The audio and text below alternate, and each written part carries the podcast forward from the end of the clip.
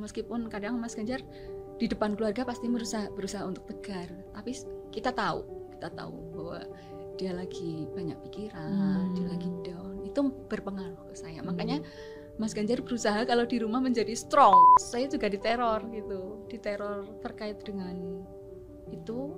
IG saya di wah luar biasa lah luar biasa Hmm. sekali. Itu terornya secara bahasanya itu kasar sekali. Laki-laki itu kalau diberi tanggung jawab mereka pasti akan menjaga. Jadi beri kesempatan suami untuk bisa mencurahkan waktu pikiran dari dunia pekerjaan karena sebetulnya kalau menurut saya ya Hmm. kebanggaan suami itu salah satunya kan di bidang pekerjaan.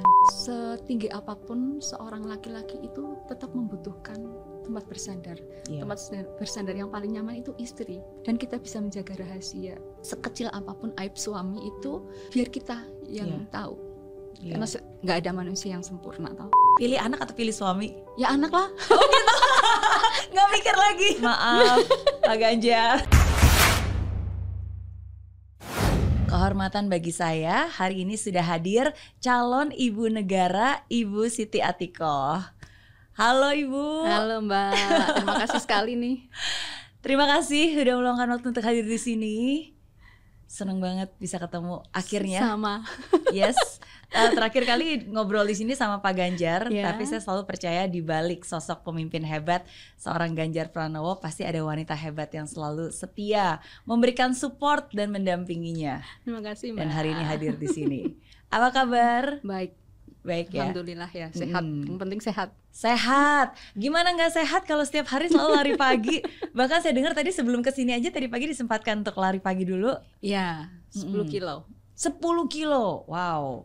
Itu setiap pagi lari. Eh, tergantung waktunya ya Mbak ya. Biasanya Hmm. saya off hari Senin sama Kamis. Oke. Tapi di luar hari itu ya berusaha gerak lah apa pun itu, apa yoga, apa lari sesuai dengan eh, waktu yang bisa. Hmm, biasa jam berapa tuh kalau lari? Jam 5 seperempat itu ya, setengah enam, Oke. Biasanya satu jam lah, Satu satu jam. jam cukup. Satu jam cukup ya, kira-kira 10 km ya. Iya. Bahkan kemarin saya dengar-dengar sempat bahkan lari 30 km. Iya karena eh, tanggal 19 kan rencananya Hmm. mau ikut Bormar yang full maraton. Mm-mm. Jadi di tengah keterbatasan waktu untuk latihan saya kemarin berusaha long run akhirnya bisa 29 Oke, wow.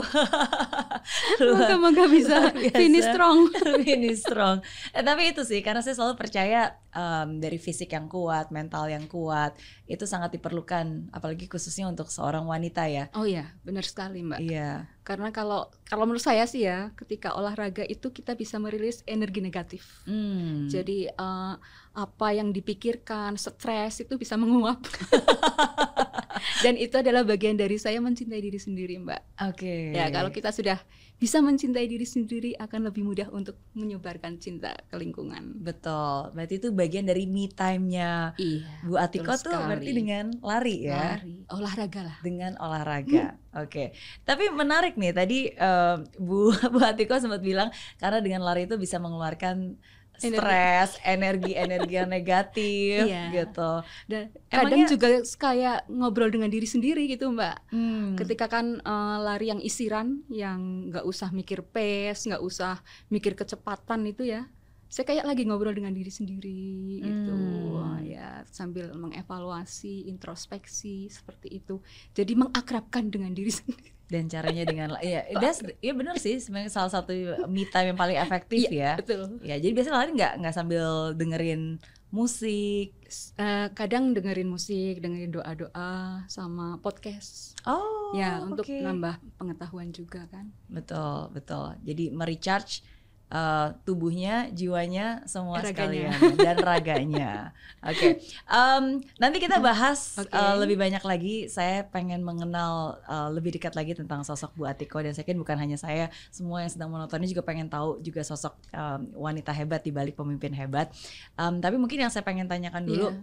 karena kalau sebagai seorang wanita, kita sama-sama wanita ya. Sometimes pilihan hidup itu bisa merubah banyak hal Oke, iya. khususnya kehidupan seorang wanita. Iya. Karena kadang-kadang kalau kayak pria ketika mereka menikah, sebenarnya sebelum dan sesudah menikah, ya tetap aja pekerjaannya nggak terlalu berbeda Iya. banyak gitu. Tapi kan kadang-kadang untuk seorang wanita ketika kita menikah itu bisa berubah profesi ya kan hidupnya juga bisa berubah dan bukan hanya menikah ketika kita punya anak pun juga hidup kita tuh bisa totally uh, berubah Iya. banyak gitu dan saya yakin di dalam perjalanan ibu Atiko pun juga apakah seperti itu juga Iya, betul sekali. Mm-mm. Jadi dulu awal setelah saya saya kerja itu sebelum lulus ya.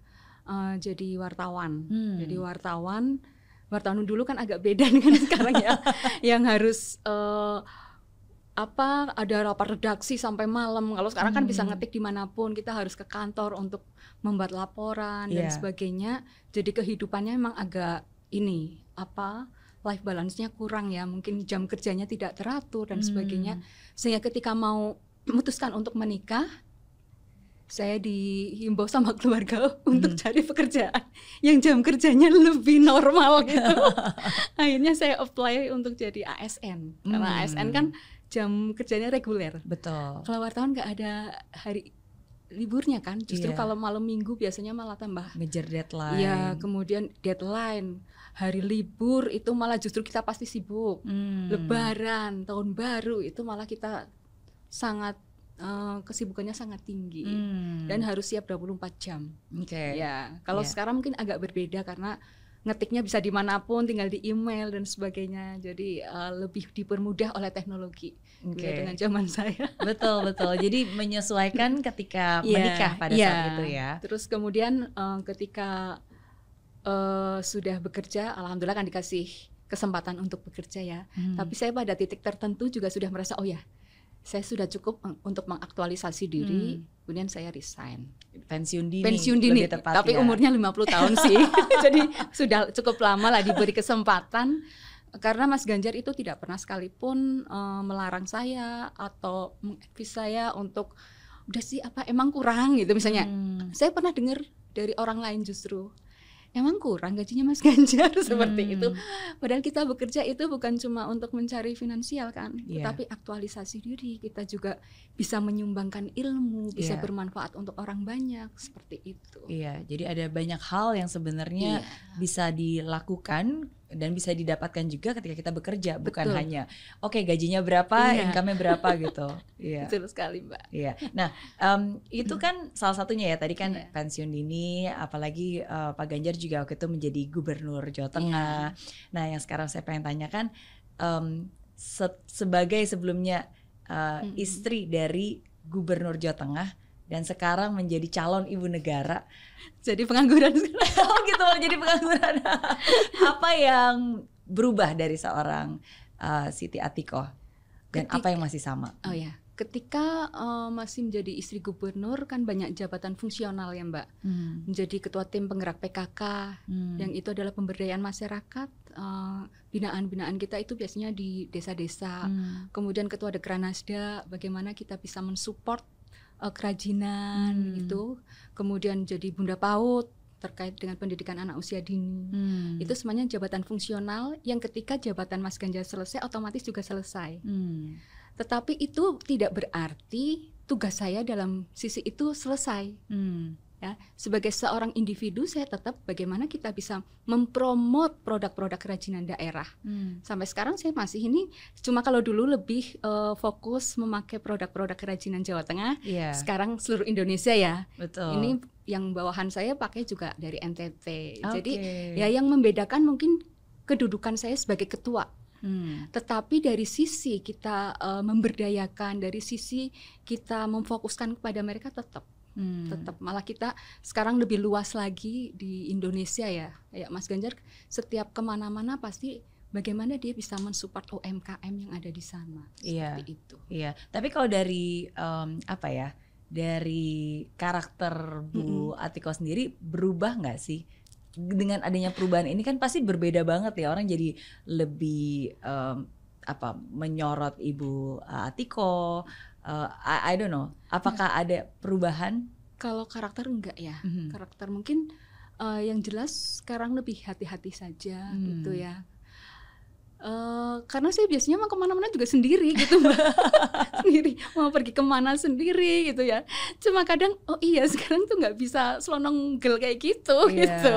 Jadi lebih lebih mawas diri itu. Hmm, Oke. Eh, Uh, tapi insya Allah sih semuanya aman-aman saja ya. Tapi Iya. dari sisi karakter dan semuanya tetap sama. Oke. Dan orang juga nggak terlalu aware sama saya kok mbak. Masa? Mungkin nggak enak untuk terlalu- dari jauh. Nggak terlalu ya beda lah ya. Kalau Mas Ganjar dari jarak jauh orang sudah langsung notice gitu ya. Iya. Mungkin alam juga eh, orang dengan pakai jilbab kan juga kadang wajahnya cuma kelihatan sedikit. Iya. Jadi nggak terlalu ini. Cuma kalau yang sudah paham itu baru. Oke, tapi tetap rendah hati loh Bu Bu Atiko. Oh. Karena aku sempat ngeliat waktu itu sempat ada potongan video TikTok. Jadi uh, Pak Ganjar kayak lagi lagi lari atau Ah. lagi naik sepeda, lagi lari kayaknya. Terus Iya. ada yang notice. Terus eh Pak Ganjar mau foto dong, Mbak Mbak Mbak tolong fotoin Pak Ganjar. Akhirnya uh, Ibu Atiko yang mau Iya. fotoin. Ya saya memang biasa seperti itu, memfungsikan seperti itu kan posisi saya paling pasti selalu paling dekat sama Mas Ganjar. Iya. Jadi lebih accessibility-nya tinggi ya Mm-mm. dari orang yang mau foto. Eh, orang nggak terlalu notice kita kan Iya, pasti nggak pengennya ini Ibu. Jadi ya oh, tinggal nutul aja kok. istrinya. tinggal nutul jadi nggak masalah. Iya. Dari dulu dari Mas Ganjar masih di DPR seperti itu. Mm. Eh, dulu kan awal-awal ketika Century itu ya Mm-mm. banyak orang sudah mulai minta foto sama Mas Ganjar. Saya memposisikan jadi fotografer. Mm. Jadi itu eh, hal yang sudah biasa Iya. dan saya merasa malah eh, senang karena bisa sedikit banyak membantu itu dengan cara yang sangat sederhana. Hmm, oke. Itu yang berubah ya. Yang nggak Iya. berubah dari seorang Siti Atiko. Yang tidak berubah ya saya selalu menjadi diri sendiri itu Mbak. Hmm, Karena kalau kita menjadi diri orang lain itu sangat capek loh. ya. Ya, ya seperti inilah kita gitu. Cuma kalau ada hal-hal yang mungkin kurang pas dari sisi mungkin adab ya, attitude itu kita Hmm. koreksi. Mungkin ada eh, karena di setiap tempat itu kan pasti beda-beda budayanya. Saya mencoba untuk ketika berkunjung di suatu tempat itu juga menyesuaikan dengan budaya setempat itu Hmm. aja. Tapi intinya adalah selalu menjadi diri sendiri. Ya. Sehingga kita nyaman, orang lain juga nyaman. Betul, betul. Tetap menjadi versi terbaik diri kita, tapi jangan lupa untuk menjadi versi terbaik tetap dari diri kita sendiri. Betul sekali, gitu Mbak. ya. Iya, gitu. Mm, Oke, Eh, adjustment pasti banyak ya, terutama salah satunya dari Semarang sekarang jadi pindah ke Jakarta. Iya, betul. Iya kan? kadang kalau di sana itu eh untuk sopan santun kan kadang njih gitu Iya. loh. monggo, monggo tuh silakan Heeh. gitu ya. Monggo.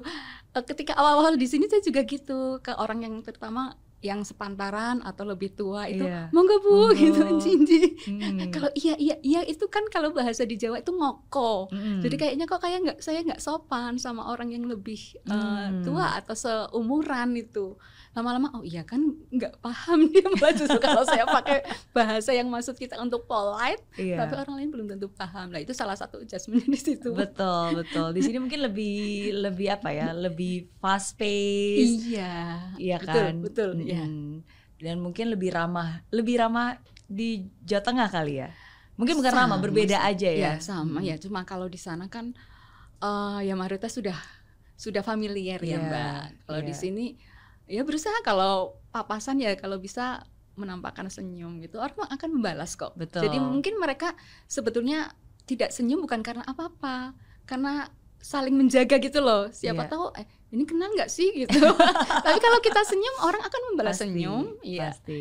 Jadi sebetulnya ya eh, tergantung kita, Kita juga. sendiri. Iya. Oke. Penasaran pengen tahu dong uh, a day in your life. Um, Bu Atiko tuh sebenarnya kesehariannya seperti apa sih? Mm-mm. Oke, kalau sekarang ya, saya biasanya bangun tidur dari mulai bangun tidur ya. Mm. Bangun tidur itu Jam berapa biasanya? setengah tiga atau jam tiga pagi itu tiap Oke. hari. Jadi saya orang yang paling susah untuk tidur malam. Hmm. Biasanya kalau ada acara yang sampai malam, saya persiapannya harus dari sore ngopi dan Oh sebagainya. iya. Karena kebiasaan jam 9 sudah tidur. Oke. Karena jam biologisnya itu setengah tiga atau jam tiga sudah Bangun. bangun. Saya biasanya bersih bersih, kemudian eh, ibadah malam ya, sholat Hmm. malam itu ya itu ngecharge. Hmm. Itu menurut saya morning booster yang luar biasa ketika kita curhat ke sama yang di atas. Iya. Apa yang menjadi kegundahan kita, apa yang menjadi eh, keinginan kita Hmm. itu kita curahkan semuanya saat itu. Gitu. Hmm. Biasanya itu sampai sholat subuh ya, Hmm. sholat subuh. Setelah subuh eh, saya persiapan untuk ya lihat jadwal dulu. Hmm. apakah ada kegiatan Mas Ganjar yang perlu aku dampingi jam Hmm. berapa kegiatan saya mulainya jam berapa kegiatan alam bagaimana jadi kegiatan tiga orang ini saya ini apa yang bisa saya eh, saya masuk di mana atau nggak Iya. perlu seperti itu mbak Oke. Oh jadi Setelah- ada jadwalnya Pak Ganjar dan jadwalnya Alam juga itu Iya masuk ya. jadi mana yang eh, perlu Hmm. kapan saya harus ketemu mereka Iya. misalnya kayak alam kan biasanya startnya mulai siang Iya. sampai malam Nah saya pinginnya ya setiap hari tetap ada waktu kita gitu Iya. terus eh, habis itu olahraga Hmm. ya, jam lima seperempat jam setengah enam olahraga satu jam setelah selesai persiapan yang lain Nah, Hmm. ya biasalah ibu-ibu ya mandi sarapan ya udah start mulai Oke. aktivitas Eh, saya tipikalnya sebetulnya orang rumahan mbak Oh ya. ya jadi setelah aktivitas pulang ya udah di rumah gitu nggak mampir-mampir Hmm. Eh, mampir-mampir itu kalau benar-benar ada sesuatu yang butuh gitu. Jadi Hmm. pergi-pergi juga seperti itu. Memang kalau ada kepentingan, ada yang sesuatu yang mendesak ya pergi. Kalau ada Oke. aktivitas-aktivitas seperti itu. Oke, oke. Biasanya berarti em, kalau sekarang berarti menemani Pak Ganjar di mendampingi beliau di beberapa macam kegiatan dan pertemuan dan interview-interview mungkin ya. Eh, ada yang perlu didampingi, ada yang enggak. Mhm, Jadi biasanya nanti dipilah-pilah mana yang perlu saya dampingi, mana yang tidak. mhm. Nah, ketika tidak perlu mendampingi berarti saya bisa aktivitas sendiri. Hmm. Seperti itu, Mbak. Oke, kalau aktivitas sendiri tuh biasanya ngapain aja, Bu Atiko? Ya eh macam-macam ya. Kalau di rumah ya bersih-bersih. Oh iya. Kalau di luar ya aktivitas-aktivitas lah kayak kemarin misalnya ada kesempatan nengok orang, Oke. kemudian bisa silaturahmi seperti itu. Iya, iya. That's nice. Jadi apa pun aktivitasnya tapi setiap hari selalu dimulai dengan bertemu dengan yang memberikan kita hidup. Itu. Iya. Kalau sehari nggak melakukan tuh kayaknya ada yang kurang. iya. Jadi memulai harinya agak kurang Bener. plong gitu loh mbak. Ya. Benar, benar. Itu. Benar, benar. Itu juga satu hal yang selalu uh, saya ingatkan ya. Maksudnya ketika kita bisa membuka mata di pagi hari, berarti kan, wah kita masih hidup nih. Iya. Jadi sebelum bertemu dengan orang lain, ya kita harus bertemu dengan yang memberikan kita hidup ini kan hari ini. Betul. Uh-uh. Oke, so happy. Um, sebagai parent, Mm-mm. Orang tua, uh, apalagi memiliki anak tunggal, Ya. uh, alam gitu ya. Uh, apa sih cara, bagaimana cara uh, Bu Atiko mendidik uh, alam? Hmm. Apa tantangan terbesarnya? Menjadi orang tua itu kan belajarnya seumur hidup menurut saya mbak. Hmm. karena anak dinamis itu Hmm. ya. Jadi eh, tantangan terbesarnya itu ya kita bisa melihat dunia dia Hmm. dengan cara dia. Itu Hmm. terkadang kita kan lupa melihat kehidupan dia dengan eh, cara kita. Hmm. Kita pernah kecil tapi anak belum pernah tua. Iya, betul. Itu dan eh, setiap tahapan itu pasti treatmentnya berbeda. Nah, Hmm. itu yang bagaimana kita adjust terhadap perkembangan anak, usia anak dengan treatment yang berbeda. Iya. Mungkin ketika balita dia masih 100% di bawah kendali kita kan. Hmm. 100% mau eh, apa mungkin yang agak kalau alam itu dulu yang sudah agak melenceng misalnya kayak baju baju Power Rangers kan Power Rangers yang 1003 itu loh Oh iya. itu Oh, ada zaman-zamannya alam Iya. suka Power Rangers. Oke. itu ringgo ringgo ringgo kan kering dipakai ringgo itu kering pakai kering pakai Oh, Oke. kondangan pakai itu padahal Iya. kita rapi kan orang jadi ya ampun ini emak bapaknya rapi anaknya pakai baju 1003 gitu ya Iya. itu jadi begitu meningkat umur itu pendekatannya pasti berbeda Hmm. semakin dia besar semakin orang tua itu lebih sebagai pengawas sebagai teman nah Hmm. ini yang terkadang kita tergoda untuk tetap memposisikan kita sebagai uh, penentu kebijakan, sebagai Hmm. penentu arah langkah dia. Nah, tentu uh, dengan semakin dewasanya alam kita selalu bisa diskusi ya. Hmm. Saya sering juga kok berdua gitu ketika terutama ketika SMA Iya. ada nggak yang perlu diintrospeksi dari bunda Iya. apa yang perlu apa yang alam nggak suka sih dari sisi bunda Oh, justru ditanyakan oh ya apa yang perlu diintrospeksi dari Iya. ibunya gitu. sebagai Mm-mm. ibu sebagai ibu saya takut eh, saya kita kan selalu ingin memberikan yang terbaik Hmm. tapi belum tentu eh, penerimaan dari seorang anak seperti itu Iya. jadi saya selalu ini eh, ngobrol ngobrol terkait tentang itu mbak Hmm. jadi ya itu apalagi kan eh, pola pendidikan orang tua kita berbeda dengan sekarang kan Betul. didiklah anak sesuai dengan zamannya nah bagaimana saya bisa in charge dengan alam itu salah satunya saya berusaha untuk menggali berusaha untuk paham dunia dia dan apa yang sedang dia sukai Hmm. ketika SD misalnya lagi ETK itu Power Rangers saya harus, harus tahu namanya Power Rangers itu siapa saja karakteristiknya seperti apa sehingga ngobrolnya nyambung Hmm. ketika SD, SMP mungkin ya SMP dia suka basket, bola. Kalau bola kan sebenarnya sama ya. Iya. Basket saya juga harus paham Hmm. eh, klubnya dia itu yang disukai siapa, pemainnya apa saja, transfer ke mana dan sebagainya. Misalnya NBA itu dia eh, sukanya yang apa? Iya. Boston ya. Boston. Iya. Itu SMA juga seperti itu, musiknya bagaimana, film yang dia sukai, buku yang dia sukai. Dengan seperti itu eh, dia merasa nyaman juga ketika ngobrol dengan kita. Hmm. Karena kalau kita tidak tahu dunia dia, pasti akan ada gap. Kita kan ada eh, gap usia ya, Iya. gap usia. Nah, untuk menurunkan itu tentu dari orang tua yang yang harus bisa memposisikan diri. Hmm. Itu memang ya challenge menurut saya. dan itu harus dibiasakan dari awal ya karena kalau Iya. di saat memang udah penting terus kita baru ajak Kamu ngomong nggak bisa. udah nggak akan dari bisa awal dari ketika usia dari usia dia eh, ya balita itu sudah mulai kita harus paham mengidentifikasi dia sukanya apa terus kita mengguidance juga apa yang Hmm. boleh apa yang tidak seperti itu mbak Oke. karena kalau menurut saya dari sisi parenting itu adab itu lebih tinggi dari ilmu Hmm. karakter itu lebih penting Hmm. daripada sekedar eh, nilai-nilai kurikulum di sekolah akademis Hmm. karena kalau adab itu akan menjadi habit dan akan dibawa sampai dia dewasa. Iya, Tidak bisa kalau pendidikan karakter itu tiba-tiba nggak bisa. betul. Kalau nilai misalnya nilai dia itu remit masih bisa ada kesempatan. Tapi Iya. kalau remit dari sisi karakter itu susah sekali. Akhlak itu susah. Iya. Dan itu sesuatu hal yang bukan hanya diajarkan tapi anak harus melihat Lihat. dengan sendiri kan orang tuanya Iya. seperti apa, perilakunya seperti apa karena secara tidak langsung subconscious itu pasti akan menurun kepada dia. Ya, Hmm. betul sekali, Mbak. Jadi itu juga menjadi semacam apa ya barrier buat kita. Hmm. agar kita juga bisa menjadi setidaknya ada dia bisa melihat kita lah gitu Iya. nggak cuma omong doang gitu apa sih no action talk only Jadi Iya. ngomong nasehatin ini ini ini tapi kita sendiri nggak boleh banyak nonton TV eh emaknya nonton Gitu misalnya seperti itu Oke.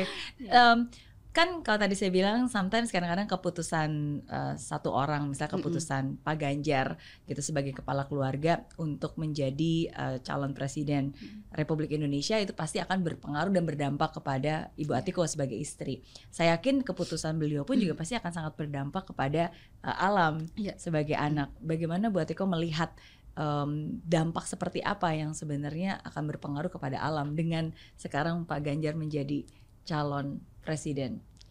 Eh, ketika Mas Ganjar itu dicalonkan ya Hmm. saya langsung ngobrol sama alam Hmm. karena yang paling banyak impactnya nanti pasti ke alam Hmm. gitu ya kita harus bagaimana apa yang harus kita lakukan Hmm. karena keluarga itu kan satu kesatuan Hmm.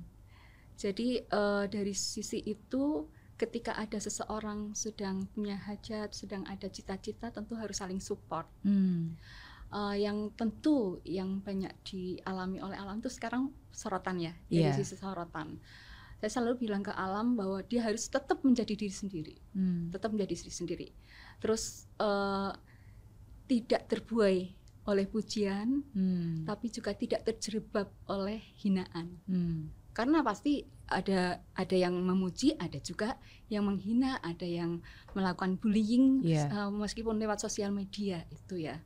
Eh, akhirnya, tapi alhamdulillah alam tuh dewasa gitu loh. Jadi Hmm. malah justru saya juga banyak belajar dari dia bahwa eh, kalau misalnya terkait dengan politik itu nggak boleh baper Hmm. itu jadi itu kuncinya jadi kita memang harus bisa memilah dan memilih Hmm. mana yang komentar-komentar atau suggestion dari orang itu yang memang membangun yang untuk kepingin kita develop ya agar Iya. kita bisa lebih improve itu atau mana yang cuma sekedar haters Iya. atau ada yang walaupun eh, kata-katanya tajam tapi kalau itu kritik membangun kita akan sangat sangat suka Iya. itu jadi itu mbak yang paling tetap harus menjadi diri sendiri lah Iya, iya. A- Apa yang menjadi kekhawatiran terbesar uh, Bu Atiko? ya kalau dia tidak menjadi diri sendiri jadi Mhm. terbuai oleh eh, pujian Hmm. atau menjadi insecure karena cercaan Hmm. itu jadi ya Oke. itu tapi kalau dia tetap menjadi diri sendiri kan dia dipuji bagaimanapun dia tetap eh, teguh ya Iya. tidak terbuai atau dicerca seperti apa pun dia tetap tegar Hmm, Oke, tidak terpengaruh Tidak dengan tekanan atau even dorongan atau mungkin ekspektasi dari lingkungan sekitarnya Iya, yang iya. mungkin melihat bahwa oh sekarang eh, alam udah berbeda nih kalau gitu harusnya seperti ini aja atau enggak kenapa Iya. kamu enggak eh, melakukan ini dan seterusnya gitu ya. ya itu juga jangan sampai dia menjadi tertekan Hmm, tertekan karena ya itu ya karena ekspektasi masyarakat pasti cukup besar iya. apalagi alam anak tunggal gitu kan kalau anak dua bisa di share ya ekspektasinya ke anak yang A sama yang B lah dia kan satu-satu Eh, bener-bener cuma seorang gitu Iya. jadi ya itu pokoknya kalau ada sesuatu harus disampaikan juga kita diskusi di rumah itu Hmm, tentang segala hal. Hmm, jadi, karena untungnya memang dari kecil kita terbiasa untuk terbuka hmm, membuka keran-keran diskusi itu selalu. Iya. kita juga sebagai orang tua bukan superman Iya. bukan superwoman bukan anti kritik kita juga banyak belajar saya nggak malu juga untuk belajar terutama kalau sama anak belajar teknologi ya Iya. mama kan gaptek jadi anak juga tahu Iya. bahwa orang tua itu bukan seseorang yang super tidak selalu betul Hmm, juga siap dikoreksi tetapi juga akan selalu memberikan dorongan buat dia dan memberikan yang terbaik buat dia hmm. itu yang paling penting Dan- jadi kita menjadi tempat sandaran saya menjadi tempat sandaran Mas Ganjar sama Alam Alam juga seperti itu Mas Iya. Ganjar juga seperti itu Iya, ya keluarga itu keluarga Satu itu unit. satu unit. Apa pun juga ketika seseorang sedang punya tugas dan tanggung jawab yang lain memberikan support, Iya. dan dukungannya. ya Hmm. Apa yang belakangan ini mungkin sering di-sharingkan oleh alam atau mungkin di eh, apa ya di, di- dicurhatkan oleh Oh. alam ke Ibu Atiko. ya mungkin dari sisi waktu ya Hmm. Eh, kalau saya sih selalu ngingetin kayak istirahatnya harus diperhatikan, Hmm. makan kan bapak sama anak sama kan. Kalau sudah ada kegiatan, ada aktivitas itu kadang lupa, Lupa makan. makan. Ya, itu. Terus yang dicurhatkan ya kondisi-kondisi politik, Hmm. terus ya dinamika-dinamika yang ada. Salah satunya itu. Oke, oke. Berarti sering lumayan sering bertukar pikiran Oh, iya. juga ya dengan Bu Atiko ya. Iya, oke. Jadi pokoknya saya menyempatkan waktu kalau pagi-pagi ke kamar dia. Biasanya karena dia ini kan cuti dia, Hmm. ngambil cuti kuliah. Hmm. Jadi kalau sebelum aktivitas saya ke kamar ngobrol berdua. Hmm. Kadang cuma saya nemenin dia baringan aja sebelum dia benar-benar wake up itu. Iya. kalau kalau anak muda kan kadang kalau pagi itu ngumpulin nyawa dulu. jadi Baru saya, udah cukup bangun Iya. gitu ya. jadi saya cuma nemenin itu. Iya. Kalau sudah ajak makan ngobrol. Oke. Nasihat apa nih yang paling sering Bu Atiko bilang kepada alam?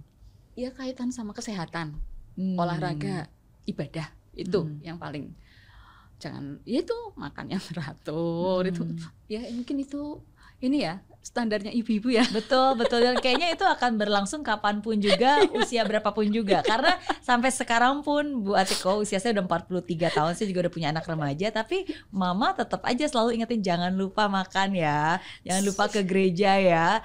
Lagi-lagi sama ibadah, makan, sehat gitu. soalnya orang tua paling tahu Iya. ini kalau sudah kerja itu lupa makan itu loh Iya. iya kan mbak Betul, pasti betul. pasti Betul. gitu Sama Jadi, jangan tidur terlalu malam ya ya, itu gitu. karena paham karena mama pasti paham Bener. ini kalau ini masih tidak sama Bener. Kayaknya Jadi- itu akan terjadi seumur hidup. Tapi saya mengapresiasi sih karena dengan seperti itu kan berarti sebenarnya mereka masih peduli ya. Iya. Dan itu salah satu cara yang uh, cara mereka bisa menunjukkan rasa sayangnya sebenarnya dengan bertanya dan dengan Iya. mengingatkan, Iya. bener kan? Hmm, ya jadi mau alam nanti udah punya anak, tetap aja pasti ibunya akan selalu uh, bertanya ya dan mengingatkan. Oke, oke. Em, tadi Bu Atiko sempat bilang bahwa uh, sekarang banyak banget sometimes komentar-komentar Iya. Em, dan itu pasti tidak bisa dibendung ya. Iya. Maksudnya kan sekalinya kita punya kemerdekaan untuk berbicara, akhirnya berbicara merdeka sekali gitu. Art- Artinya nggak ada batasannya. Em, Iya. Nah, bagaimana cara Bu Atiko sendiri em, apa ya menyikapi hal tersebut?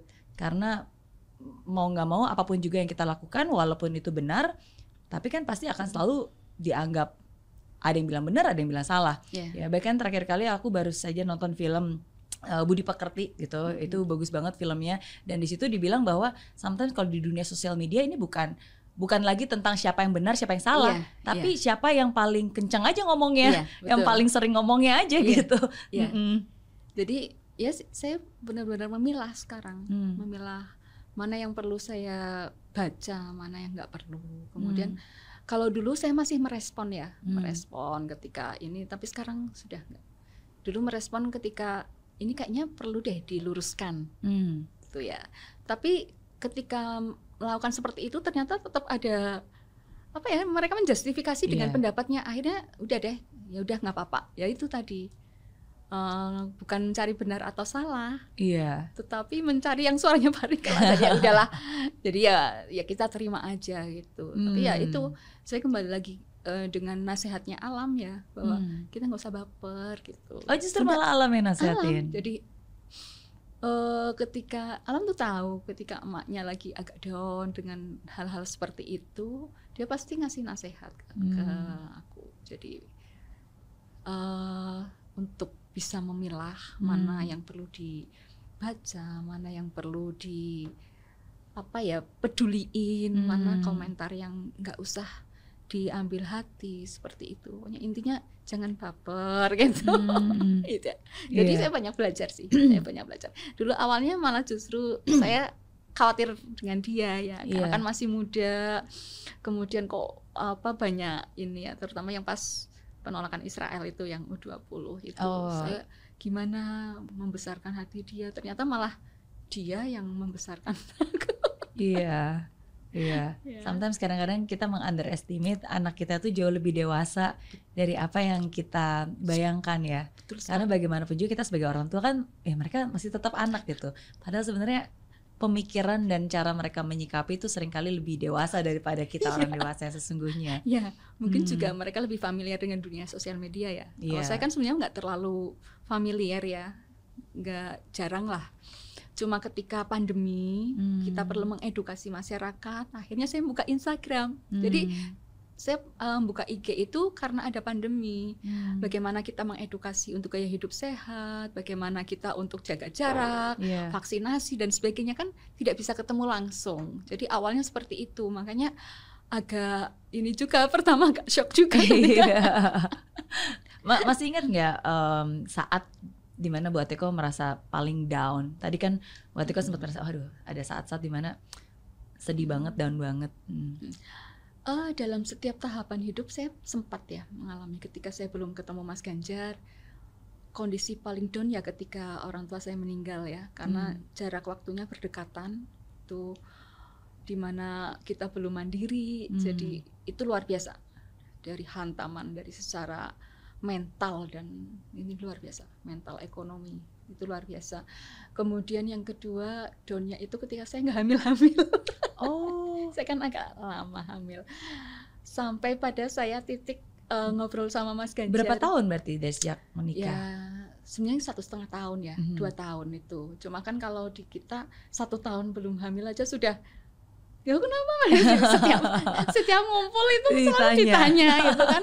Jadi itu tambah merasa insecure. Saya sudah Iya. pada tahap ngobrol sama Mas Ganjar kalau tidak dikaruniai anak gimana Hmm. udah sama sam- tahap seperti itu Hmm. Terus Mas Ganjar eh, mencontohkan beberapa keluarga Hmm. itu mereka nggak punya anak tapi tetap bahagia hal Hmm. seperti itu. Jadi akhirnya saya los, Hmm. udah nggak ada beban lagi malah akhirnya hamil alam itu kayaknya mukjizat lah habis itu udah nggak nggak KB nggak apa tetap ini kemudian dalam perjalanan hidup juga ada ada downnya ketika eh, kebanyakan kaitan sama Mas Ganjar Oh iya. iya. iya Dia merasakan kita juga yang lebih Iya. down justru Iya. ya. Dia Karena mengalami sebagai seorang kita yang istri ya, ini. Mm. Orang meskipun kadang Mas Ganjar di depan keluarga pasti berusaha berusaha untuk tegar tapi kita tahu kita tahu bahwa dia lagi banyak pikiran dia Hmm. lagi down itu berpengaruh ke saya makanya Hmm. Mas Ganjar berusaha kalau di rumah menjadi strong Iya, itu karena iya. tidak ingin um, mempengaruhi karena saya kan orangnya sensitif ya, Iya. ya tipikal introvert lah sensitif jadi lebih peka gitu oh ini Mas Hmm. Ganjar jadi kalau di depan saya pasti seolah-olah tegar Iya, iya. Di Sekarang- momen apa contohnya yang masih diingat? ketika mm, apa di Jawa Tengah Hmm. di Jawa Tengah itu yang ada beberapa demo Hmm. itu juga berpengaruh tapi tidak tidak sedahsyat ketika yang ini ya yang U20 ini Oh. Iya. itu yang paling luar biasa Hmm. karena saya juga diteror gitu diteror eh, apa terkait dengan itu Hmm. diteror lah yang mau IG saya di wah luar biasa lah luar biasa Hmm. sekali itu terornya secara bahasanya itu kasar sekali dan Hmm. luar biasa tapi saya harus tegar saya harus sabar karena kalau saya lemah nanti Mas Ganjar seperti apa Iya. Iya. gitu jadi ya Hmm. jadi dalam setiap tahapan itu selalu ada ya Selalu ada. Uh, apa cara yang paling ampuh untuk Bu uh, Atiko selalu bisa tetap tersenyum walaupun susah dan mengumpulkan kembali uh, sisa-sisa nyawa untuk oke I have to stand strong ya untuk suami saya, untuk uh, anak-anak saya, untuk keluarga saya, untuk untuk diri saya sendiri juga. Iya.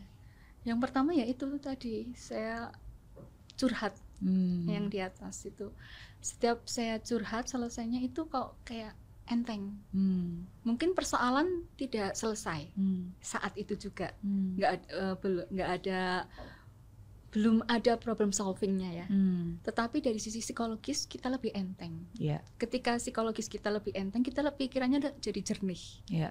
oh harusnya stepnya seperti ini ini ini kemudian eh, kita percaya bahwa maksud Mas Ganjar itu bagus Hmm. gitu ya Hmm. ada loh regulasi yang mengharuskan seperti itu Hmm.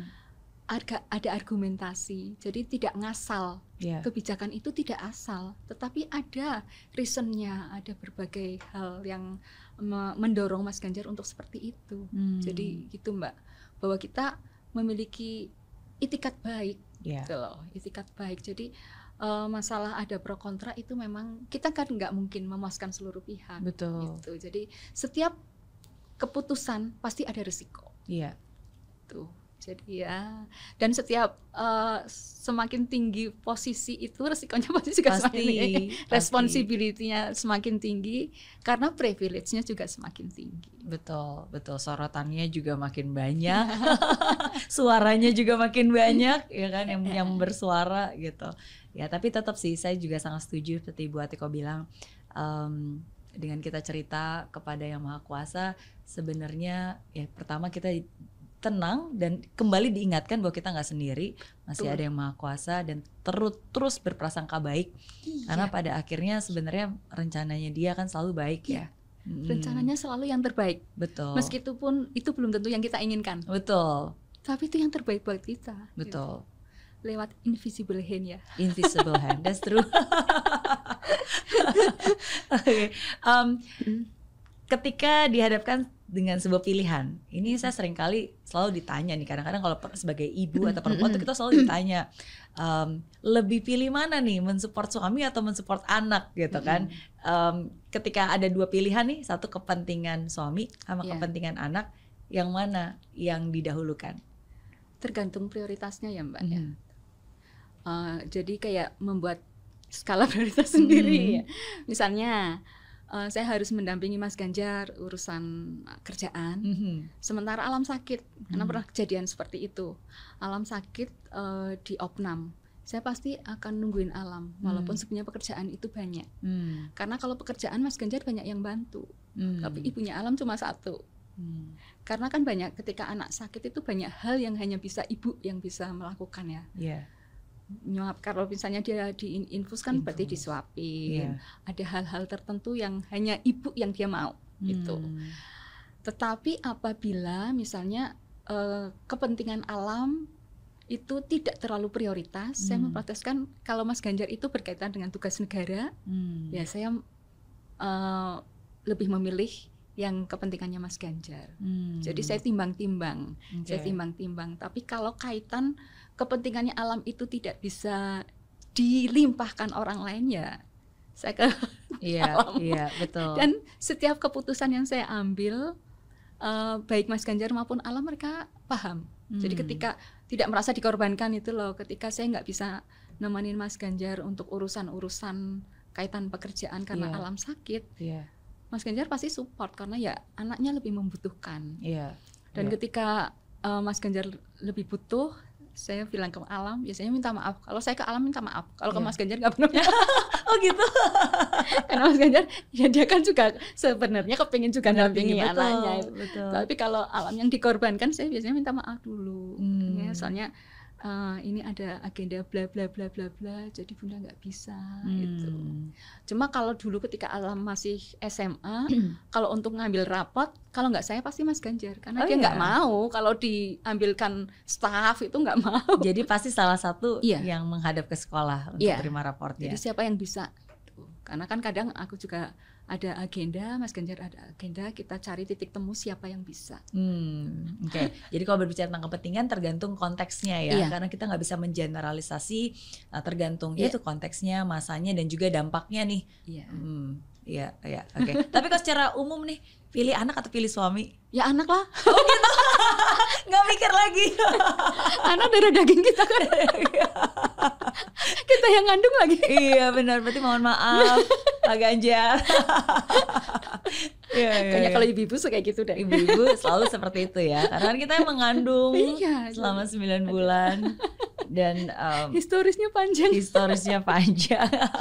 Hmm. Oke, tapi lagi-lagi sebagai seorang wanita, uh, of course kita uh, menjadi perekat semuanya ya, Iya. Ya kan karena uh, bagaimanapun juga peran wanita itu penting banget sih. Iya. Iya, iya. Nah, pertanyaan saya justru sekarang sebagai seorang perempuan nih, uh, apa satu advice yang Bu Hmm. Atiko bisa bagikan kepada perempuan lainnya juga supaya kita tuh bisa menjadi wanita yang Hmm. bisa memberikan support dan Hmm. dukungan kita kepada suami apalagi kalau khususnya em, suaminya yang yang berkarya dan bekerja Iya. di sektor publik seperti ini. Mm-mm. Sebenarnya saya tadi sampaikan ya, sebenarnya keluarga kan satu unit ya. Mhm. Sebenarnya bukan hanya perempuan yang punya tugas untuk mensupport, Mm. tapi suami dan anak juga harus mensupport istrinya, Mm. ibunya Mm. agar eh, ada balancing gitu ya. Mm. Jadi eh, sang suami harus mensupport istrinya untuk aktualisasi diri, Mm. untuk bisa menjadi diri sendiri, memberikan kesempatan untuk bahagia ya. Mm. Kan simpel misalnya kalau saya diberi ruang untuk bisa eh, mengembangkan hobi itu lah ya. Iya, Lari cuma sejam loh Mbak, iya, tapi itu sudah memberikan kepuasan luar biasa. iya. Dengan seperti itu saya full bisa mensupport mereka. Mm. Nggak akan ada apa sih merasa untung rugi Mm. apa eh, kok saya bagian support terus dan sebagainya. Mm. Karena kita sudah diberi kesempatan. kesempatan Iya. untuk bisa bahagia. Iya, kesempatan untuk bisa bahagia. Lah dengan seperti itu eh, kita bisa mensupport anak secara penuh, mensupport Hmm. suami secara penuh. Hmm. Itu dan dari sisi support yang pertama tentu dari sisi psikologis ya kalau ke suami. Iya. Jadi eh, untuk hal-hal yang tidak terlalu penting itu nggak usah dia dibebankan ke suami. Oke. Jadi misalnya Iya. kan kadang eh ya kalau perempuan kan memang kadang emo- emosional gitu ya. Iya. Suami pulang malah dan beri kesempatan eh or- laki-laki itu kalau diberi tanggung jawab mereka pasti akan menjaga. Hmm. Jadi beri kesempatan suami untuk bisa eh, mencurahkan waktu, pikiran dari dunia pekerjaan. Karena sebetulnya Hmm. kalau menurut saya ya, Hmm. kebanggaan suami itu salah satunya kan di bidang pekerjaan. Hmm. Itu merasa mereka jadi superior gitu ya. Iya. Dan kita memberikan kesempatan dan waktu nggak bolak-balik pulang jam berapa, pulang Hmm. jam berapa. Salah satunya itu. Jadi Hmm. kalau saya jarang sekali eh, paling ya pulang jam berapanya bukan dalam artian saya ingin suami cepat-cepat pulang, Iya. tetapi lihat agendanya itu apa masih ada apa saja Hmm. perlu saya tunggu atau tidak, sudah Hmm. makan atau belum, kaitan seperti itu. Hmm. Tapi memberikan kebebasan agar eh, suami kita itu bisa mendharma baktikan eh, pikiran, Hmm. kemudian tenaga untuk masyarakat. Hmm. Jadi hal-hal yang eh, kecil-kecil biar diurus kita itu yang hal-hal yang bers- kalau saya kan mungkin sekarang sudah menjadi ini ya tapi ketika dulu eh, masih sama-sama sibuk iya. sama-sama sibuk ya tetap kita harus saling support kalau dari sisi yang itu pertama psikologis Hmm. yang eh, kedua kita bisa menjadi tempat bersandar Hmm. karena setinggi apa pun seorang laki-laki itu tetap membutuhkan tempat bersandar Iya. tempat bersandar yang paling nyaman itu istri. Iya. Sebenarnya pertama ibu ya, Iya. tapi kan dengan eh, apa dengan kita sudah hidup sendiri itu pasti akan berbeda. Betul. Ya istri agar dia bisa menjadi rumah perempuan itu bisa menjadi rumah bagi suami. Hmm. gitu. Jadi ketika dekat dengan istri itu merasa nyaman, Iya. bisa mengeluarkan semuanya dan kita bisa menjaga rahasia Hmm. Karena apa ya sekecil apa pun aib suami itu eh, biar kita yang Iya. tahu Iya. karena nggak ada manusia yang sempurna tau Iya. ya dan itu menurut saya ketika mereka mungkin curhat terkait pekerjaan misalnya yang pekerjaannya di kantor tentang bosnya atau Iya. apa ya udah cu- cukup sampai kita nggak usah kita eh, beri kasih tahu kadang kan ada yang begitu dicurhati suami malah nanti ngobrol ke orang lain suamiku diginiin sama bosnya wah itu padahal suami kita kadang membutuhkan tempat sampah bukan Iya. membutuhkan untuk menjadi apa ya malah men eh, Betul. iya itu mbak Betul. Itu- beberapa benar- hal Benar-benar itu benar banget sih. Sometimes kadang-kadang em, setiap orang kan pasti punya kebutuhannya sendiri Iya. untuk bisa bercerita. Dan Iya. mungkin sering kali ketika eh, suami sedang bekerja, istri di rumah, mungkin dua-duanya tuh ketika ketemu pengen, Pengen saling, sama sama saling iya. pengen ngomong Curhat gitu kan. Nah, dua-duanya. cuma di mana kita mungkin bisa punya kepekaan dua-duanya ya, maksudnya dua-duanya ya punya dua-duanya kepekaan ini dua-duanya. eh, yang mana nih yang sebenarnya lagi sedang lebih butuh iya gitu. betul mbak Bener betul Jadi kalau misalnya walaupun kita memang pengen ngomong, tapi Iya. kalau kita merasa bahwa oh sepertinya suami mungkin lagi lebih butuh deh suami ya udah yang kita lebih nunggu butuh, iya oh, ya udah kita dengarkan. dengar Dan didengarkan aja udah cukup ya, nggak perlu dikasih komentar. Makanya Iya, iya, kemarin iya, saya bilang apa ya itu kan. Tuh kan saya udah bilang gitu. Seringkali kan istri gitu ya.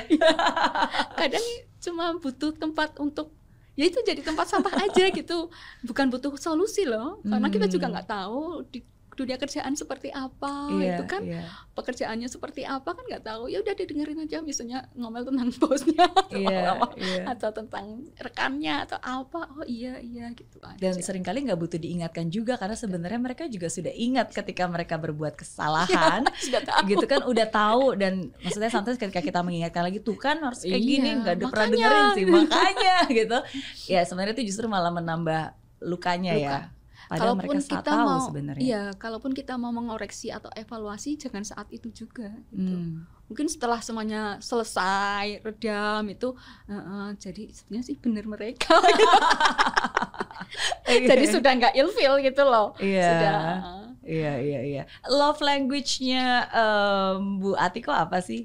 Kan biasa ada ada lima Iya. tipe love language ya. Mm-mm. Eh, saya itu physically iya Hmm. kemudian lewat touch juga iya. Hmm, jadi eh, eye Sentuhan contact, ya, sentuhan. contact.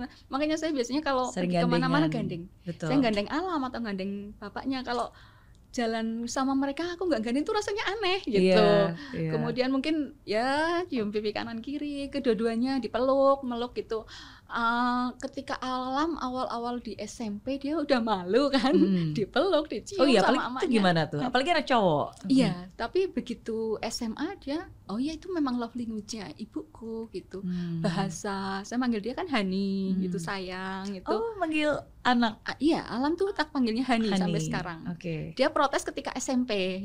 Bunda kalau manggil Hani jangan di depan temennya.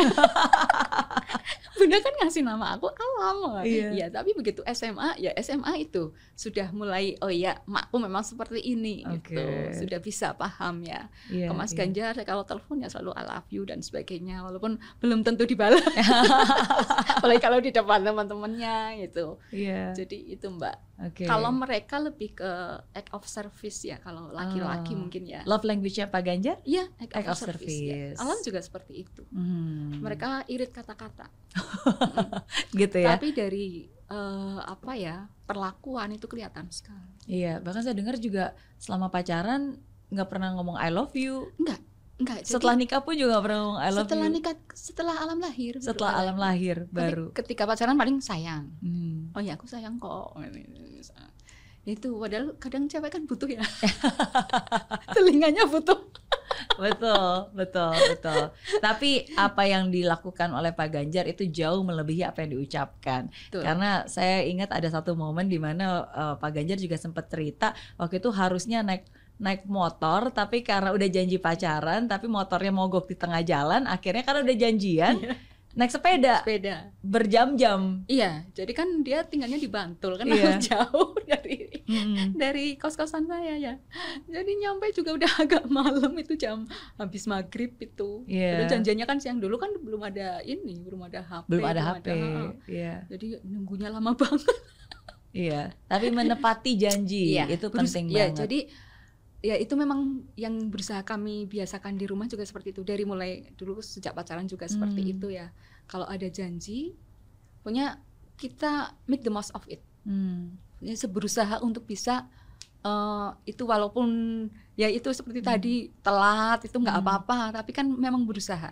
Hmm. Saya ketika ke alam juga seperti itu dari kecil, Hmm. dari kecil janji misalnya apa pun sekecil apa pun misalnya mau pulang jam sekian begitu saya masih ada kegiatan ya saya telepon minta maaf dulu Hmm. bunda pul- pulangnya agak malam gitu Hmm. terus eh, apalagi janjinya jalan-jalan dan sebagainya itu pasti jadi Iya. kalaupun tidak bisa saya akan minta maaf lebih dulu Hmm. maaf ya bunda nggak bisa karena bla bla bla bla bla dengan seperti itu dia juga berusaha paham ya jadi oh ya janji itu sesuatu yang harus ditepati Iya. dan dia juga akan menghargai uh, apa janji dia juga itu Hmm. akan lebih bertanggung jawab Iya, Sa- satu hal yang dari tadi saya notice ini Hmm. sangat natural banget untuk Bu Atiko, tapi ini Hmm. jarang banget dan susah banget untuk orang banyak adalah permintaan maaf. Kayak dari tadi Iya. Bu Atiko sering banget gitu kayak iya saya uh, minta maaf ke anak, minta maaf ya datangnya telat, minta maaf. Sedangkan kan permintaan maaf kata maaf itu kan tidak mudah ya untuk diucapkan apalagi ke anak gitu. Tapi buat Bu Atiko sepertinya ini sesuatu hal yang sudah sangat natural iya dan biasa gitu untuk diucapkan. ya saya memang merasa ya itu uh, ingin memberikan gambaran ke alam bahwa saya sebagai ibu itu tidak sempurna Hmm. orang tua itu bukan superwoman uh, apa jadi kita kadang melakukan kesalahan Hmm. tetapi kita mau loh mengakui itu dan mau Hmm. memperbaiki ketika Hmm. kita minta maaf kan kita mengakui kesalahan kita tapi kita ada itikat untuk memperbaiki Hmm. gitu. jadi sekecil apa pun saya berusaha pasti minta maaf Hmm. minta maaf jadi misalnya saya overthinking ya Hmm. kadang kan ya namanya ibu-ibu ya Iya. kadang overthinking terus uh, saya clarify ke dia maaf ya bunda overthinking jadi Oh. mungkin salah iya jadi hal-hal seperti itu uh, alam jadi juga menghargai Menghargai. menghargai bahwa orang tuanya bukan sosok yang sempurna Iya. tapi mau iya. mengakui itu mau Iya. introspeksi untuk memperbaiki diri Hmm. Tapi mungkin ya dibutuhkan dua belah pihak ya, karena kadang-kadang ketika eh, sebuah permintaan maaf atau kerendahan hati untuk meminta maaf, tapi kalau tidak dicerna oleh orang yang punya kedewasaan, sering kali itu disalahgunakan dan justru malah uh, apa Kayak orang buat- jadi nggak respect gitu. Ah. Uh, jadi kayak ya ya ya jadi lebih menindas dalam arti ya jadi besar kepala kan sering kali ada banyak banget juga anak-anak yang justru merasa uh, apa ya lebih lebih Powerful. hebat daripada orang Ah. tuanya gitu kan kayak ibu tahu apa ini kan zamannya udah berbeda dan seterusnya gitu apalagi ketika udah um, ada ada kesalahan contohnya ya tapi ya mungkin dibutuhkan kedewasaan untuk bisa mencerna dan menggunakan hal itu sehingga justru itu menjadi respect. Ya, Ya, ya Gimana ketika cara Ibu Atikoh membalance respect? ketika salah saya minta maaf. Hmm. Tetapi ketika saya benar, saya juga eh, apa ya berprinsip kayak kayak debat lah. Hmm. Saya mempertahankan eh, keyakinan saya ke Hmm. alam, walaupun Hmm. sama anak gitu ya. Jadi kalau dia salah, saya juga tegas bahwa kamu salah. Hmm. Kamu harus minta maaf. Mhm. Jadi ada konsekuensi dari setiap tindakan yang kamu lakukan Hmm. seperti itu. Jadi dengan seperti itu kan dia juga, oh ya, aku juga bisa dikoreksi oleh emakku. Iya. gitu. iya, Saya juga apa eh, tidak semuanya hal benar. iya. Ada yang salah, ada yang tidak. Ketika dia melenceng, saya eh, orang tua harus eh, dia harus meluruskan. dia meluruskan untuk kembali ke tracknya seperti itu. Hmm. Jadi kedua belah pihak itu ya harus di, eh, konsekuen Iya. dengan setiap tindakannya seperti itu mbak mungkin setiap eh, apa ya ya itu tadi adab kan lebih tinggi dari ilmu Iya. jadi karena itu di- ditanamkan dari kecil eh, anak kan juga nggak akan secara frontal ya Hmm. ketika pun dia mau berargumentasi tidak akan secara frontal Iya. Ah, tetap ada eh, sopan santun yang harus dipegang Hmm. ada angga ungguh kalau di Jawa kan angga ungguh bagaimana Hmm. ketika walaupun kita membuka ruang diskusi selebar-lebarnya dengan anak tetapi kan tetap ada eh, Tata apa krama. tata krama Iya. itu mbak Betul, betul, betul. jadi ng- ngobrol dengan orang tua ya oke kita sebagai teman sebagai Iya. ini tapi tetap harus ada angga ungguh Iya. bahwa yang alam hadapi itu orang tua Iya. saya mem- eh, sebagai ibu saya memiliki hak untuk menertibkan ya ada tata tertib kan di Hmm, keluarga hmm. itu menegakkan ketertiban itu ada Hmm. jadi ya tetap ada punishment di Iya. keluarga itu ada walaupun saya nggak pernah eh, main fisik ya nggak pernah nggak pernah tapi tetap ada tetap ada rambu-rambu Iya, kadang kalau orang udah mengerti nggak perlu fisik, Nggak. nada intonasi suara aja mereka udah ngerti kok, iya kan? jadi siaga satu dua tiga dia udah paham Iya. oh ini siaga berapa langsung Bener, ini tergantung komat penekanannya di mana, mereka ngerti. Oh, Iya. oke. Iya. Itu untuk yang peka dan paham ya. Mm-mm. Betul Oke. sekali. Ibu-ibu juga soalnya, ibu-ibu. sama-sama ibu-ibu. Iya. Iya. Em, dua pertanyaan terakhir untuk Bu Atiko. Yang pertama, em, saya selalu teringat kalau tadi Bu Atiko bilang bahwa di dalam hidup ini ya kan selalu berprasangka baik kepada Tuhan Iya. dan Ibu Atiko bilang selalu akan ada invisible hand yang sebenarnya menjaga dan memastikan bahwa kita pasti baik-baik aja. Iya. Em, selama pengalaman hidup Bu Atiko apa nih pengalaman paling uh, spiritual Hmm. sesuatu hal yang Hmm. sebenarnya itu nggak akan bisa terjadi atau tertolongkan atau terselamatkan kalau nggak ada invisible hand yang sebenarnya dari yang di atas. Ya itu mungkin ketika saya akhirnya hamil Hmm. Hmm. itu ya menurut saya itu yang yang paling luar biasa lah Hmm. karena udah pada titik ya mungkin kita nggak dapat momongan gitu Hmm. tapi akhirnya ya dengan kita memasrahkan diri ya dapat rezeki gitu Hmm. itu menurut saya ya luar biasa sekali Anugerah ya, anugerah luar biasa dan anugerah dan amanah ya anugerah dan amanah. Iya. Gitu. Apa sih yang selalu ada di doa Ibu Atiko Eh, buat saat ini? Eh, kalau untuk Mas Ganjar apa untuk alam Beda-beda ya? Beda-beda. Beda-beda. Dua-duanya. Ya, buat Mas kalau- Ganjar apa, buat A Alam apa? Ya kalau buat Mas Ganjar tentu bisa menjadi pemimpin yang amanah Hmm. gitu ya. Terus eh, bisa memberikan yang terbaik untuk bangsa dan negara seperti Hmm. itu. Eh, dicintai oleh rakyat dan dicintai juga oleh yang maha kuasa. Hmm. Tuh.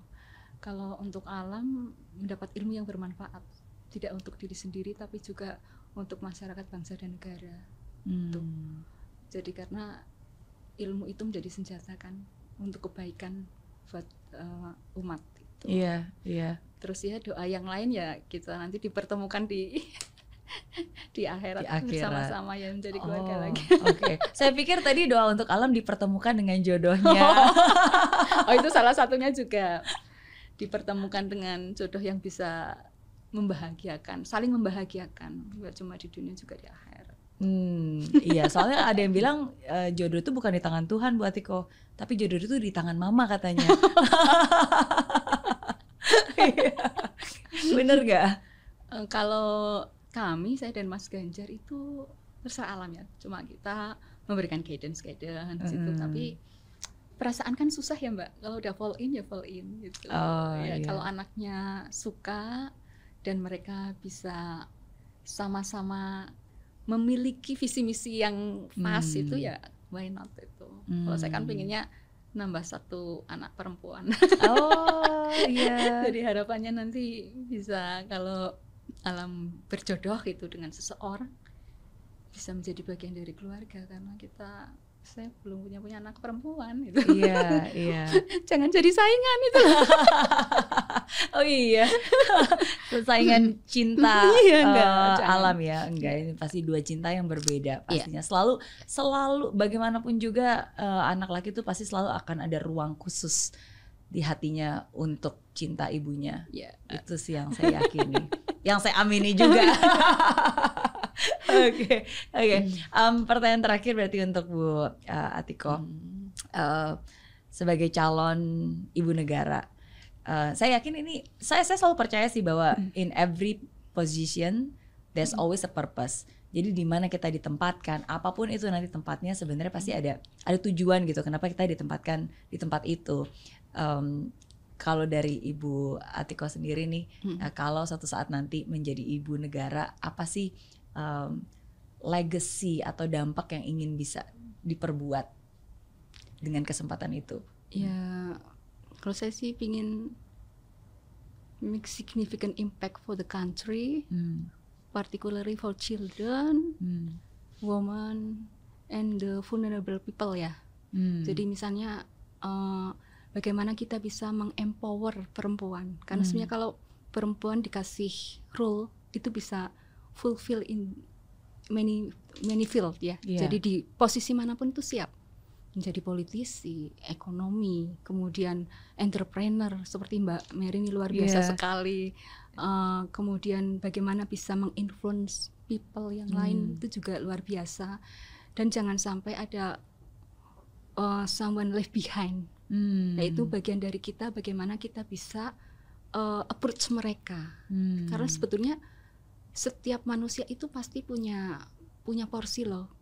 Bagaimana tinggal kita menggali potensi yang ada. Iya. Tuh dari sisi empower itu luar biasa sekali. Iya. Kemudian uh, di sisi lain tentu juga bagaimana kita bisa uh, improve ya, strengthen the apa ya awareness Hmm. of society kaitannya adalah untuk pencegahan stunting karena Iya. mungkin sekarang sudah bagus tetapi bagaimana agar stakeholder kemudian society semua itu bahu membahu Hmm. untuk preventing itu karena kalau sudah stunting itu kan tentu banyak sekali impact negatifnya ya ya betul. jadi seperti itu Eh, bagaimana kita bisa memberdayakan Iya. seluruh elemen masyarakat kemudian untuk eh, anak-anak muda sendiri ya Iya. anak bagaimana kita bisa juga menjadi advokat bagi mereka untuk menggali potensi Hmm. karena sekarang kan dunianya beda sekali Iya. dunia beda sekali. Saya suka sekali tadi banyak hal-hal yang sangat positif yang ada di Mbak Mary ya. Thank Salah you. satunya itu kan untuk menjaring anak muda bukan dari sisi akademis Iya. tapi dari life skill. Iya. Karena itu yang mungkin eh, dari sisi kurikulum tidak didapatkan di sekolah. Iya. Padahal itu nanti yang membuat mereka itu ya, eh, banyak kan kalau kita misalnya reuni nih, anak yang nilainya 10-10 belum tentu dia perform di dunia kerja Iya. karena ada attitude di situ, Iya. ada life skill, ada bagaimana kita bisa membuat jejaring yang eh, membutuhkan mungkin public speaking dan Iya. sebagainya. Itu hal-hal seperti itu, Mbak.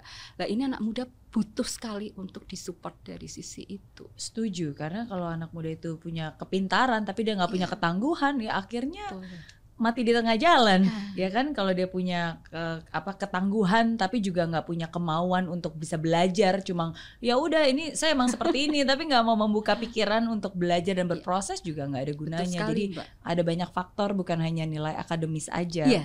iya Ya, ini kan iya. dibutuhkan kolaborasi dengan seluruh pihak ya, Iya. dengan orang-orang seperti Mbak Mary. Wah itu penting sekali.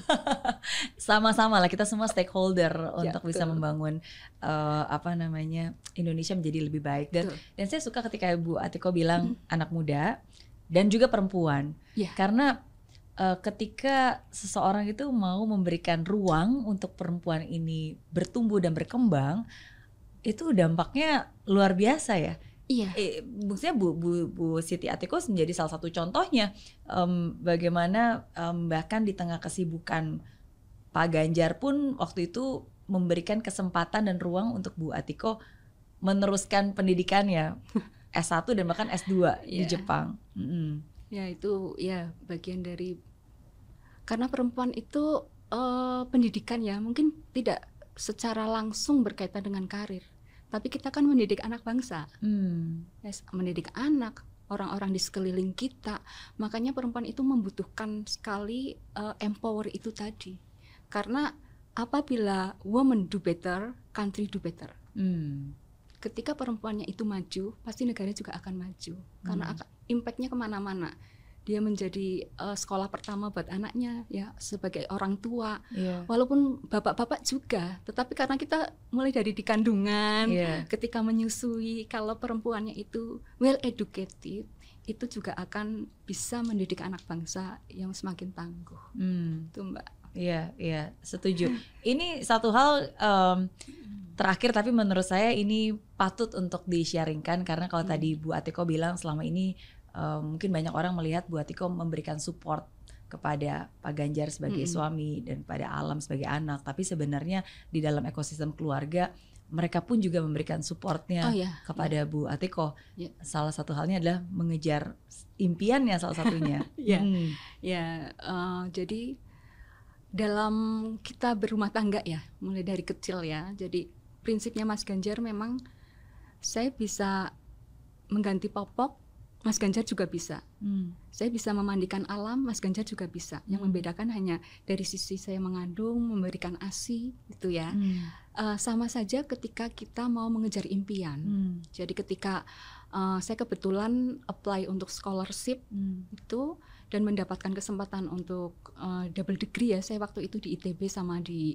Jepang. Hmm. Justru Mas Ganjar yang ini kesempatan luar biasa gitu. Padahal waktu itu kan Alam masih kecil, masih usia di playgroup, Hmm. masih di playgroup. Sebagai seorang ibu pasti itu menjadi ada eh, pertentangan batin. Iya. Pertentangan batin anak lagi butuh emaknya tapi malah ditinggal jauh Hmm. seperti itu. Dan Mas Ganjar bilang, "Saya itu siap menjadi single parent." gitu. Hmm. Jadi bukan malah mematahkan ya, mematahkan eh, semangat, Semangat. kita, malah bagaimana kita itu bisa tegar, bisa oh ya, ini adalah yang terbaik gitu. Jadi kesempatan itu tidak datang dua kali, Iya. apalagi untuk seorang ibu ya. Iya. Kalau mungkin kalau yang eh, masih muda itu kesempatannya masih terbuka lebar. Ini kan Iya. udah ibu-ibu masih ada kesempatan untuk beasiswa tentu kan eh, itu kesempatan Luar emas. biasa. Ya, jadi eh, saya juga ingin mendorong para suami Hmm. berilah kesempatan istri untuk mengembangkan diri. Hmm. Karena nanti itu impactnya juga buat keluarga kok. Bukan untuk si istri sendiri, tetapi untuk keluarga, masyarakat dan bangsa.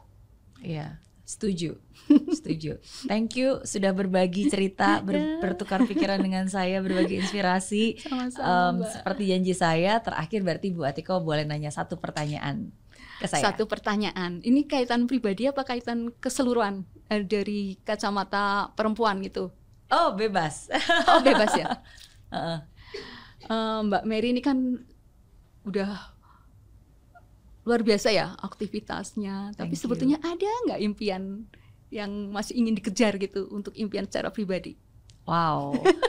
Em, pasti ada karena eh, ini salah satu hal yang selalu saya uh, apa ya um, biasakan hmm. untuk selalu punya mimpi setiap 10 tahun sekali gitu punya ah. direction bukan untuk sebuah ambisi ya tapi karena yeah. menurut saya mimpi itu perlu supaya ada tujuan dan tujuan itu menggerakkan kita ke sana kita sekali. perlu punya mimpi karena dengan mimpi itu kita jadi memampukan diri iya, kita yeah, arahnya mau ke mana arahnya mau ke mana dan kita jadi belajar dan terus yeah. membuka diri untuk memampukan gitu jadi kalau um, dulu saya di Singapura bersyukur bisa mendapatkan banyak achievement.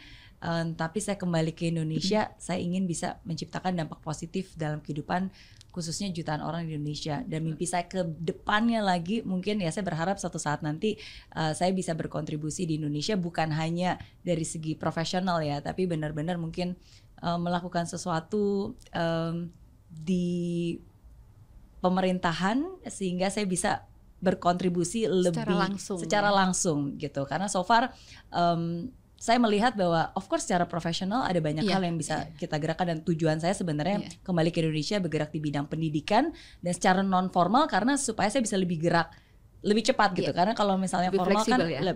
lebih banyak batasan dan aturan sedangkan kalau gini kita bergerak sendiri kita bikin dampak sendiri kita menciptakan hal yang baik sendiri gitu tapi saya melihat bahwa ya ke depannya ada lebih banyak hal lagi yang sebenarnya bisa kita lakukan kalau kita bersama uh, dengan kebijakan dan bersama dengan pemerintah gitu. Jadi ya I'm looking forward untuk bisa lebih terbuka, untuk bisa lebih banyak hal lagi yang bisa dikontribusikan. Ya, ya sampai saat ini belum ada exactly rencananya seperti apa, tapi kan punya mimpi ke depan, directionnya udah ada. Nanti tinggal tempatnya aja yang mana yang lebih uh, cocok dan tepat untuk saya bisa berkontribusi. Iya, itu sih. sekali, Mbak. Semoga dibutuhkan lebih banyak lagi eh, wanita-wanita uh, untuk bisa terus berkarya dan juga anak muda. Ya, terus sekali, Indonesia. Mbak. Ya. Amin. Amin. Sukses selalu. Ya, sama-sama, Mbak. Buat Bu Atiko, sehat. Kapan-kapan kalau lari ngajak-ngajak ya. Ayo. Thank you. Ya. Terima kasih.